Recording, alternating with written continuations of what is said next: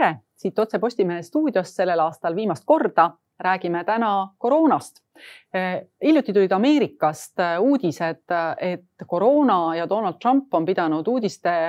esinumbrid andma hoopis teistele teemadele, olgu need siis Ukraina sõda või tulistamised Ameerikas. nii et justkui tundub, et ei ole enam midagi koroonast rääkida. küll aga, kui me paneme sinna kõrvale gripi ja kui me paneme sinna viimase uudise, mis on tulnud Euroopast,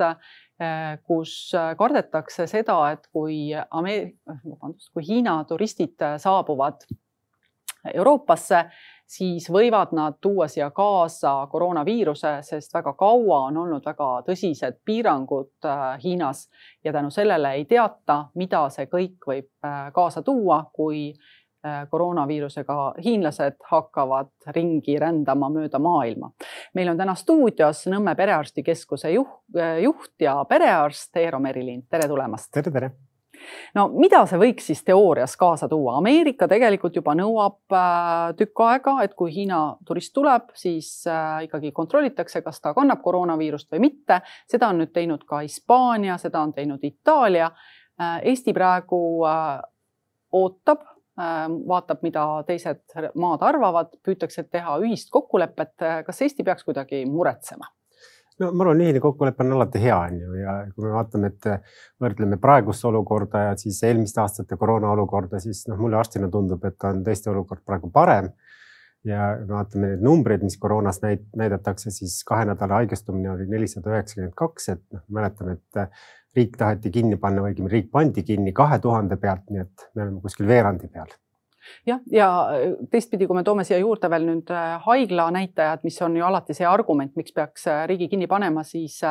koroona pärast on haiges, haiglas praegu umbes sada inimest, et, et see oli ka omal ajal vist selline arv, niisugune maagiline arv, et kui on sada või, või alla selle, et siis saab meditsiinisüsteem nende Covid haigetega hakkama. ja, haiglates tundub ka, et on praegu rahulik, on ju aga noh, tagasi tulles Hiina koroonaviiruse juurde, et no me ju ei tea, missugune see koroonaviiruse mutatsioon seal levima hakkab ja kui Hiina oli pikalt kinni ja nüüd hakkavad hiinlased ringi liikuma, et, et siis tõesti oleks hea teada, et noh, kas tuleb siis veel tõsisem mutatsioon või siis tuleb lihtne ja, selline tavaline viirus, nagu me praegu ütleme, et koroonaviirus on taandunud selliseks tavaliseks viirushaiguseks. no see tähendab, et tegelikult siis võiks ikkagi natukene tõsisemalt uurida neid inimesi, kes siia tulevad või, või ka neid, kes sinna haigeks on jäänud no eks neid uuritakse ka ju, ega praegu meil uurimine ei ole ju peatatud, et ikkagi võetakse proove, vaadatakse, milline üldine olukord on, nii et ma arvan, et Eesti noh, võiks jälgida, mis muu, muu maailm teeb ja, ja liikuda samas äh, suunas. Ja ilmselt siis tuleb ka see info, et, et milliseid tüvesid ja kuidas peaks sekveneerima, see tähendab siis eraldama või ära tundma, et, et praegu vist äh, ka üks probleem on olnud Hiinaga praegu see, et äh, ei ole täpselt teada, millised tüved liiguvad ja seda, seda, seda infot vähemalt Euroopas väga kättesaadav ei ole ja noh, Hiina on alati selline natuke nagu keeruline maa minu jaoks, et, et meil on küll rohkem informatsiooni, mis toimub Austra Austraalias on ju ja kuidas Austraalias see gripp on levinud. aga jah, Hiina on natuke selline müstiline maa. no räägime natukene siis, mis on täna perearsti jaoks tõsisem probleem oma praktikas, et on see siis gripp, on see koroona või on see hoopis mõni kolmas viirus? no ütleme nii, et kui me meenutame eelmisi aastaid, siis äh, inimesed olid ju isoleeritud, kõik olid oma kodudes, äh, haigused eriti ei levinud ja, ja ka viirusi oli vähem. Aga selle aasta sügisest äh, inimesed ikkagi suhtlevad tõsiselt, ühtegi pidu ma ei tea, et oleks ära jäetud ja kõik viirused on tagasi tulnud, et alates gripiviirusest, ma ei tea, oksendamisest, noroviirus, RS-viirus, nii et, et kõik on korraga tulnud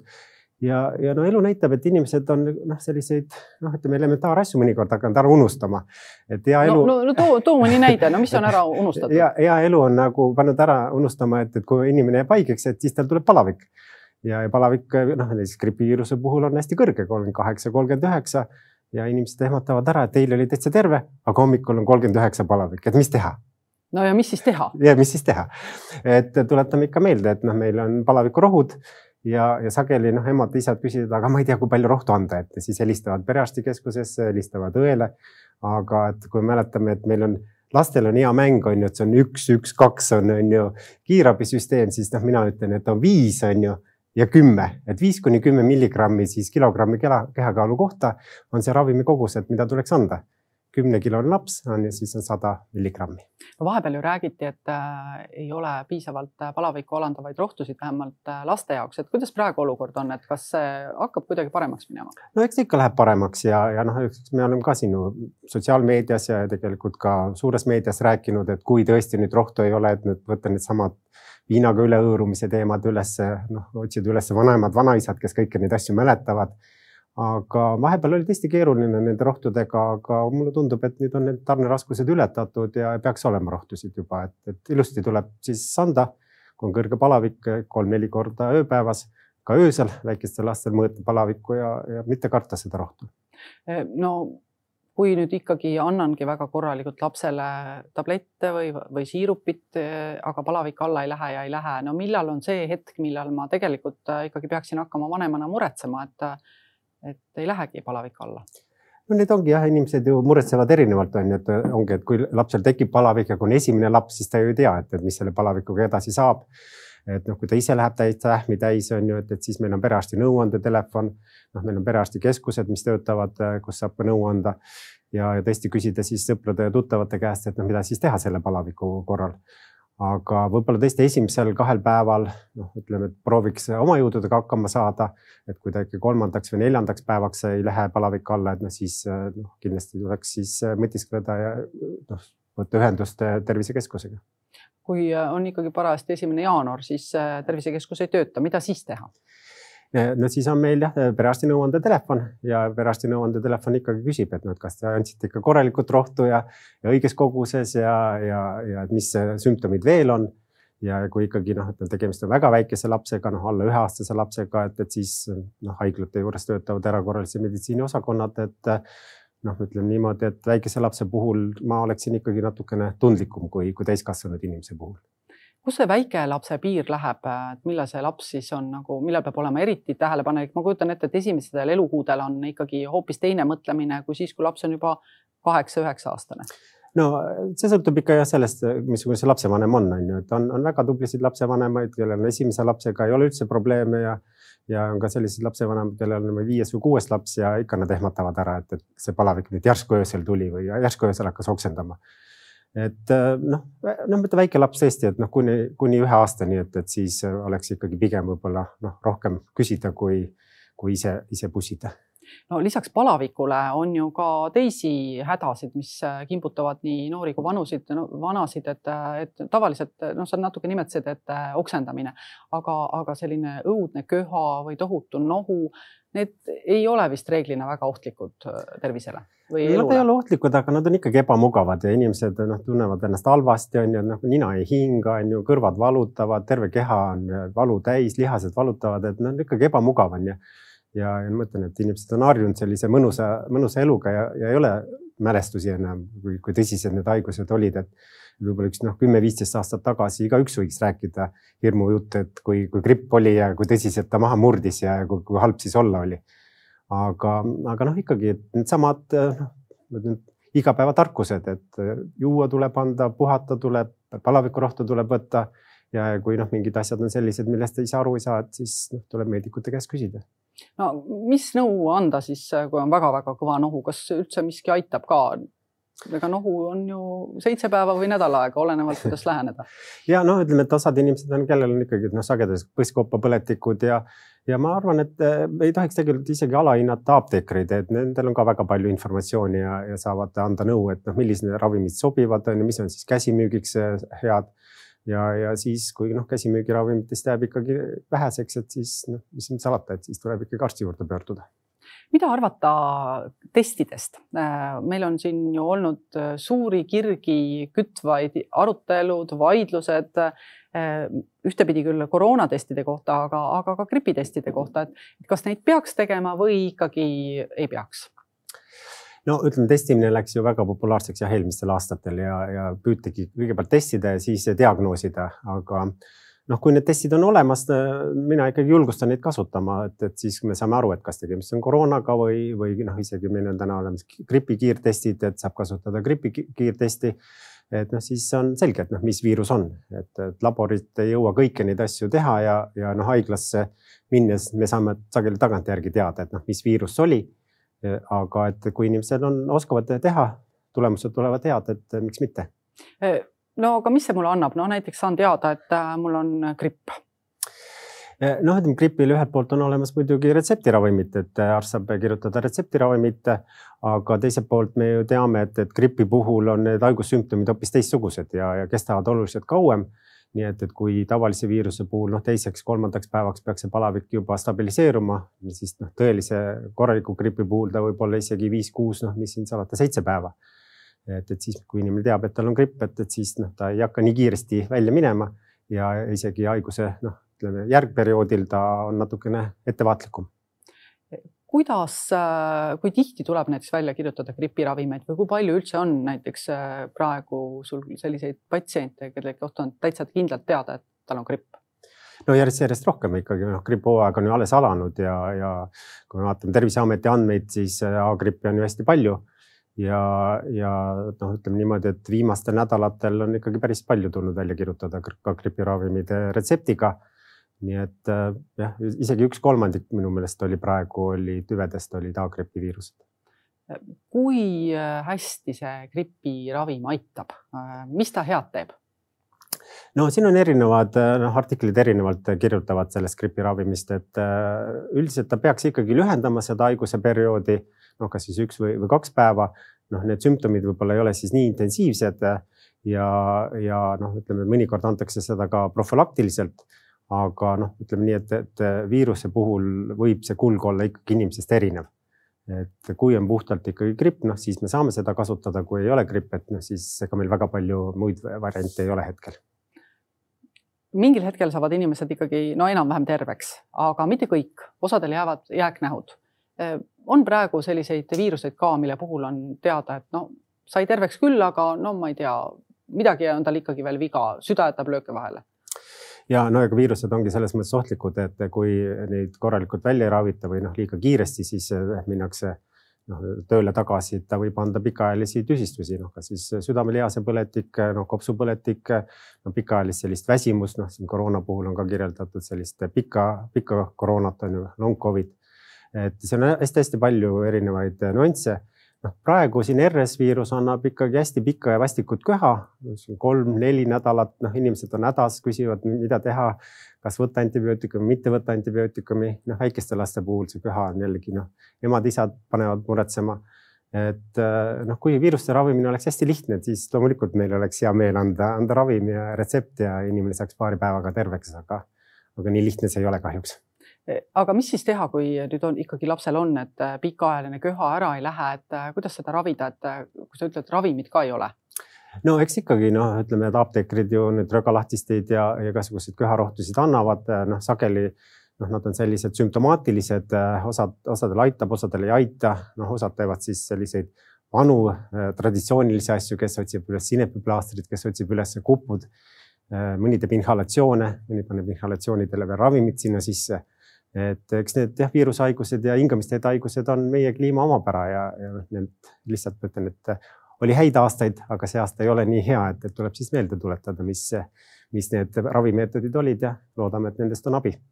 ähm, mõni, mõned arstid ütlevad mõnikord, et, et me ikka oleme siin teadusliku meditsiini pooldajad ja väga võib-olla neid vanu asju meelde tuletada ei taha, et, et, et kas ikkagi noh, sellest samast sinepiplaastrist või kupust äh, on kasu? Äh, no ma arvan, et igast asjast on kasu, on ju, mis, mis inimest nagu tervemaks teeb, et, et noh, sageli on ju see, et äh, on ka aeg, mis inimest parandab. Ja, ja noh, eriti just laste puhul, et noh, noh, meil, meil on lihtsalt nii kiire elu, et, et nüüd on palavik läinud, on ju, aga homme on juba see jõulupidu või siis uue aasta pidu ja siis on jällegi jälle vaja kuskile trenni ja, ja, ja mängukoori minna või laulukoori minna, et et ma olen öelnud, et ikkagi võiks võtta seda aega ja, ja rahulikult kodus olla, ei ole vaja kohe uut viirust otsa saada, sest iga viirus siis teeb seda immuunsüsteemi nõrgemaks ja,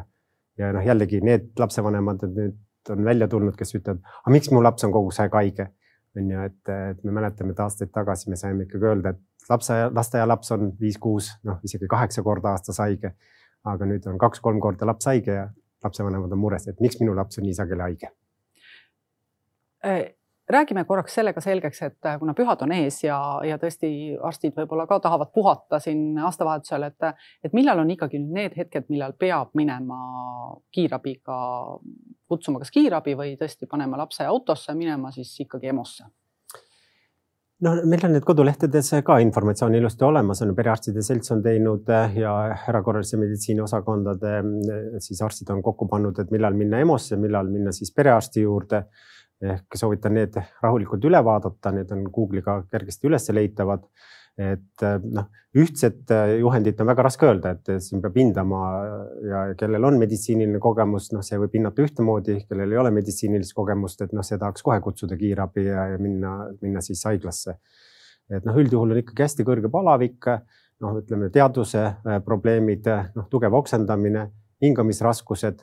et, et need on need sellised asjad, mille puhul siis äh, kontakteeruda noh, perearsti nõuandetelefoniga ja siis alles noh, võib-olla minna EMO osakonda noh, et see perearsti nõuandetelefon annaks lihtsalt niisuguse kindluse, et, et kas ja. ma ikkagi teen mõistliku otsuse või äkki olen natukene äh, liigselt äh, ärevil. ja no ütleme, ärevus ikkagi jah, lapsevanemad lähevad ärevaks, aga küsimus selles, et jah, et kui ta nüüd alles tuli palavik ja ta pole üldse palavikurohtu andnud ja kutsub kiirabi välja, et, et siis kiirabi inimesed on, on selliste noh, ütleme väljakutsete üle ei ole rõõmsad, ütleme nii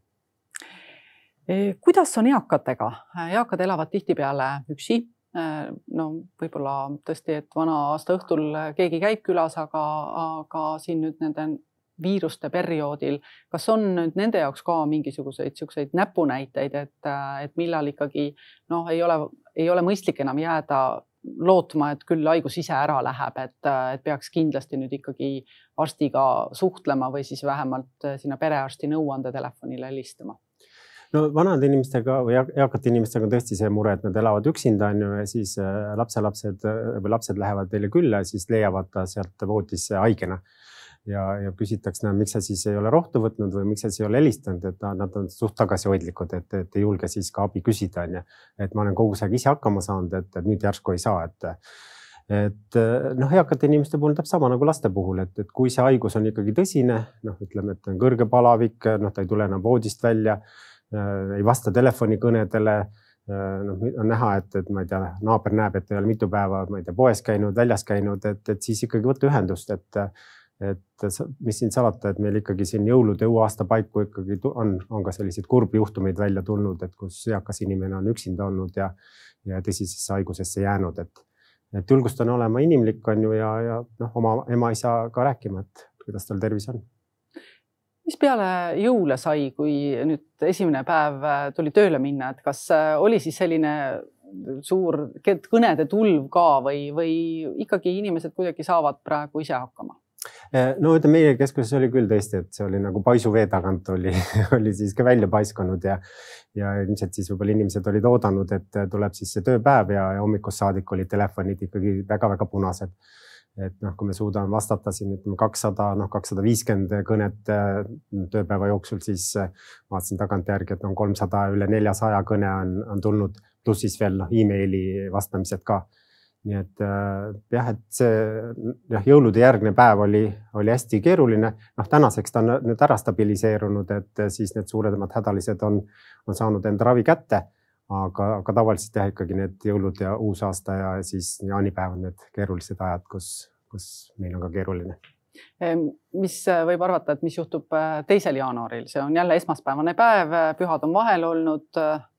nojah, sellel aastal no, töörahvapüha ei ole, on ju, et laupäev-pühapäev, et meie jaoks on see tavaline laupäev-pühapäev ja ja eks me oleme enda tööd ka niimoodi planeerinud, et meil esmaspäeviti on neid rohkem telefoni vastajaid, rohkem interneti vastajaid ja ja igal arstil on ka siis erakorralise vastuvõtu aegasid äh, rohkem pandud äh, nädala algusesse ja mis siis alati ka reede, reede õhtuks ahah, aga miks just reede õhtul? no ma ei tea, miks inimesed reede õhtu haigeks jäävad, et, et me oleme siin perearstidega omavahel noh arutanud, et mis, mis see siis on, et käib nädal otsa käib haigena ja siis äh, reede õhtuks mõtleb, et nüüd ma pean kindlasti tulema arsti juurde et miks see üks nädala sees ei tulnud, aga noh, eks see elu on ikkagi selline, et. no mis mõtted on tulnud siis, et kui te olete arutanud omavahel? no ega ei olegi mingit head lahendust olnud, et ju siis, ju siis on nädal nii kiire olnud, et ei ole aega olnud, ma ei tea, pereliikmetega suhelda, ei ole olnud aega olnud vaadata, kas laps on terve või mitte, et laps käib siis koolis ja trennis ja siis reede õhtu, et nüüd on kõik asjad tehtud, siis märgatakse, et nüüd on laps haige. et siis peaks minema arsti juurde. no või, või siis on vaja ämmale öelda, et äh, ma olen haiguslehel ja ma ei saa sulle nagu appi tulla. ei no ma ei jah, see on puhas spekulatsioon, aga, aga ega siin mingit jah lahendusi ei ole, aga, aga lihtsalt elu on näidanud, et, et esmaspäeva hommikud ja reede pärastlõunad on, on need ajad, kus siis on vaja tervisekeskustel rohkem personali üles panna? Võib-olla natuke mõnikord võib olla ka seotud see arstile helistamine haiguslehtede võtmisega, et äh, nüüd just äh, Riigikogu otsustas, et äh, haiguslehtede sama skeemi, mis siis koroona ajal kehtestati, kus inimese omavastutuseks on ainult üks päev. seda pikendatakse veel poole aasta võrra Äh, ja siis otsustatakse edasi. mis sa arvad, et äh, kas peaks äh, suvel veel võib-olla põlistama selle korra või võiks minna tagasi sellesse olukorda, mis oli enne koroonat ehk et esimesed kolm haiguspäeva oli inimesel enda vastutuses no ma olen kuulnud jah, neid äh, argumentatsioone ühelt poolt ja teiselt poolt ja need, kes ütlevad, et ja et, et peaks siis teise kuni neljanda päeva ka riik kompenseerima, õigemini siis haigekassa kompenseerima, et, et siis nemad ütlevad, et inimesed kipuvad meil haigena tööl käima. noh, need inimesed, kes noh, ütleme, näevad seda süsteemi nagu teiselt poolt jällegi vaatavad, et et noh, see on meil ühine, ühine raha, haigekassa raha, et, et kas meil on, on seda, saame panna siis jah, vähihaigete laste raviks või siis äh, haiguspäevade kompenseerimiseks, et, et, mulle isiklikult arstina tundub, et, et võiks seda kasutada rohkem noh, ütleme nende inimeste raviks, kes praegu väga pikalt ootejärjekordades on olnud. aga miks ta noh, ütleme nüüd edasi lükati või kas seda siis ka äh, kuue kuu pärast äh, tehakse samasugune otsus, seda ma ei oska öelda aga noh, ma mäletan, et, et siin koroona ajal ka näiteks kohalik omavalitsus maksis äh, nende osade päevade eest, et et võib-olla see on tuleviku teema, et, et siis kas siis kohalik omavalitsus maksab või siis äh, tööandja teeb lisakindlustuse või, või inimene teeb lisakindlustuse nende kompenseerimata päevade osas või siis ka on võimalus, et äh, mõnikord tööandjad annavad neid niinimetatud tervisepäevi, kus inimene saab siis tegelikult veenduda, et kas ta nüüd jääb päris haigeks või, või ikkagi oli selline lühiajaline terviserike ja et noh, tervisepäevad on praegu ka olemas, et neid, neid antakse ka ja noh, väga sageli tööandjad ju, ju lubavad ka inimesel haigeks jääda ja, ja noh, seda otseselt haiguslehte ei nõua. aga noh, on, on erialasid, ma saan aru, kus, kus, kui inimest ei ole, et, et siis on väga raske seda tööd ümber korraldada ja, ja nende puhul noh, võib-olla tuleb teha mingeid erandeid, aga, aga noh, see on jah, selles mõttes poliitilise diskussiooni koht. et kui meil on raha palju, siis me saame seda teha. kui meil on raha vähe, et, et siis tuleb hakata tegema valikuid jah, nii on. kuidas, äh,